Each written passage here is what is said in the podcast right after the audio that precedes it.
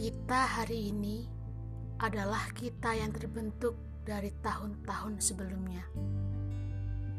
Pencapaian kita hari ini adalah proses panjang yang melibatkan banyak orang.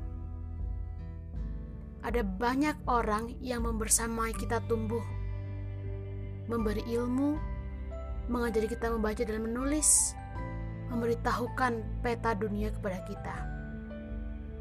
Tentu saja, semua orang pasti tahu ia adalah bapak ibu guru kita. Kadang pikiran yang tak seharusnya datang.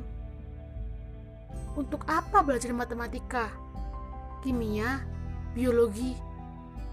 Kalau nanti pas lulus udah gak guna lagi. Untuk apa belajar sejarah? Kalau kita kelak akan membuat sejarah, bukan berkutik pada masa lalu. Kadang, pikiran senada muncul. Untuk apa belajar semua mata pelajaran? Toh, dua hari, tiga hari ke depan, gampang dilupakan. Dan semua pemikiran yang senada. Apa kabar Bapak Ibu guru kita di TK? Apa kabar Bapak Ibu guru kita di SD? Di SMP? Atau di SMA mungkin? Dari sekian banyak Bapak Ibu kita di tingkat sekolah, baik TK, SD, SMP, SMA.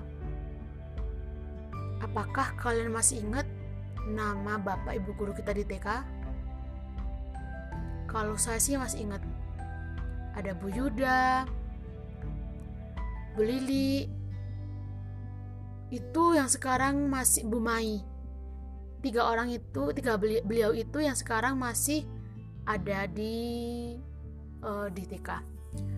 Ada satu yang meninggal kalau nggak salah. Itu Bu Muji, oh Bu siapa? Ya kan aku lupa juga.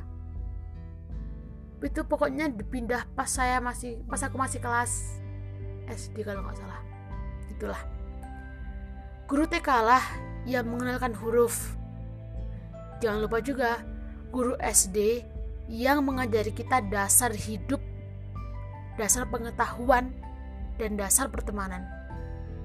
Hampir 50% masa SD yang lebih banyak berada di hidup kita. Sebab kita masuk SD itu ketika umur 7 tahun. Masih terlalu kecil bukan? Masih curut-curut, masih cupu-cupu dan lain sebagainya. Sampai akhirnya kita berumur 13 tahun. Tentu perjalanan yang tidak singkat bukan? Lalu sekarang ketika kita sudah jadi anak SMA, sudah punya banyak teman, kenal banyak bapak ibu guru, ikut kegiatan ini itu, dapat pengalaman banyak, hingga seenaknya kita menganggap bahwa kita hari ini adalah hanya karena jasa Bapak Ibu kita SMA saja atau bahkan ada juga loh yang berpikir bahwa pencapaian kita hari ini adalah hasil perjuangan dari diri sendiri. Tidak ada campur tangannya dari orang lain. Semoga kita tidak seperti itu ya. Oh ya, saya mau nge-share juga tadi pas maghrib itu kan saya ngaji di surau di tempat saya. Pas mau pas baca yasin itu kok tiba-tiba saya kepikiran sama ibu guru saya pas SD namanya Bu Rukia Bu Rukia itu tinggalnya di Talok. Talok itu deket sama sekolah saya di SMA sedangkan rumah saya di Simojana Gading itu jauh banget dari Talok mungkin kalau saya pribadi sekitar satu jaman.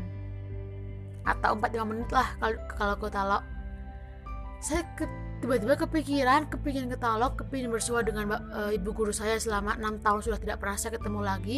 Karena uh, beberapa saat setelah saya lulus SD beliau juga dimutasi ke Talok Talok 3 hmm. nah tiba-tiba saya ingat dulu saya pernah janji pernah bilang gitu pas kelas 6 sama Bu Rukia itu Bu, nanti kalau saya sudah besar, saya pasti akan ngajar di sini, Bu. Di SD ini. Bakal menggantikan Bu Rukia, saya gitu. Jadi guru lahnya gitu. tiba-tiba tadi pas ya baca yasin saya juga kepikiran wah ke, ke Burukia aja tapi kapan ya ke Burukia kan Burukia itu jauh di, ke Talok aku juga gak ke Talok uh, hari-hari ini gitu kan lalu muncullah perasaan atau pikiran ngapain saya mendahulukan di Talok jauh. Sedangkan ada bapak ibu guru saya yang deket di rumah saya gitu. Mungkin sekitar 5 menitan lah atau nggak sampai. Langsung saya teringat sama Pak Nar sama Bu Ani. Pak Nar itu adalah uh, bapak guru agama di, di SD kalau Bu Ani itu matematika semuanya lah di kelas 6 dua orang ini yang membentuk saya ketika SD dua orang ini yang sungguh membuka banyak peluang untuk saya sebenarnya saya sudah benar-benar mau punya keyakinan fix malam ini mau nggak mau saya mau ke rumahnya Pak Nar sama Bu Ani. Nah pas juga malam hari ini pas hari guru jadi kok ya ampun ya Allah gak nyangka gitu kok pas hari guru pas saya mau kepingin ke Nar sama ke Bu Ani. Soalnya lah sudah soalnya sudah enam tahun tidak pernah bersua lagi. Ya pernah ketemu tapi nggak berbicara yang panjang enggak cuma oh ya bu apa kabar? Gitu aja. Lalu tadi saya benar-benar sudah kok ada banyak uh, makanan ringan di rumah saya? Jadi saya bungkus semuanya saya bawa tapi itu enggak makanan kue basah ya enggak itu sejenis makaroni terus mie keriting apa itulah terus saya bawa saya bawa ke partner. Saya tahu bukan karena harganya atau apa saya bawa itu enggak tapi ya masa ya sungkan lah masa ke rumah guru sobat nggak bawa apa-apa gitu kan. Saya sudah kerentek niat lillahi ta'ala karena Allah saya kepingin silaturahmi sama guru saya lagi saya ke partner. Itu benar-benar nervous banget. Oh my god 6 tahun nggak pernah ke nggak pernah lagi ke rumah beliau.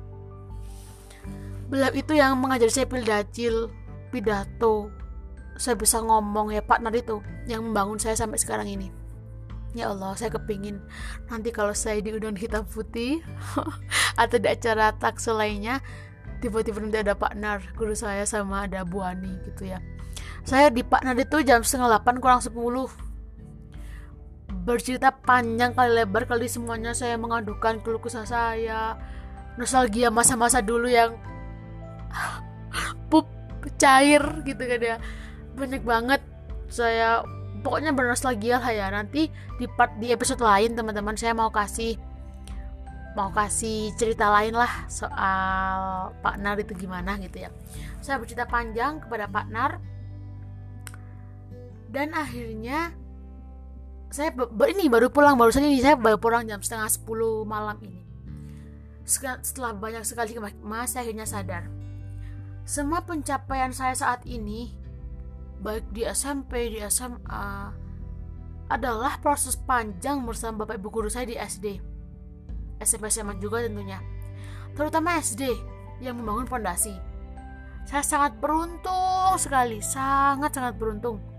Dulu saya SD deket dari nol sama Pak Nar. Alhamdulillah. Dan teman-teman, sudah 8 menit lebih ya saya berbicara bagi teman-teman, sekali waktu sempatkanlah berkunjung ke rumahnya Bapak Ibu guru kita. Ceritakan semua yang telah kita dapat.